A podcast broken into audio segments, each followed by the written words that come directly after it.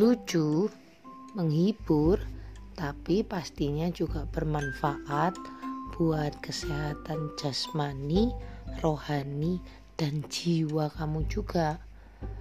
Aku bakalan ngobrolin apa saja, self improvement, finance, apa pun yang pastinya itu akan membuat kita jadi lebih baik lagi. Apalagi kalau bukan podcast CC Teletabi.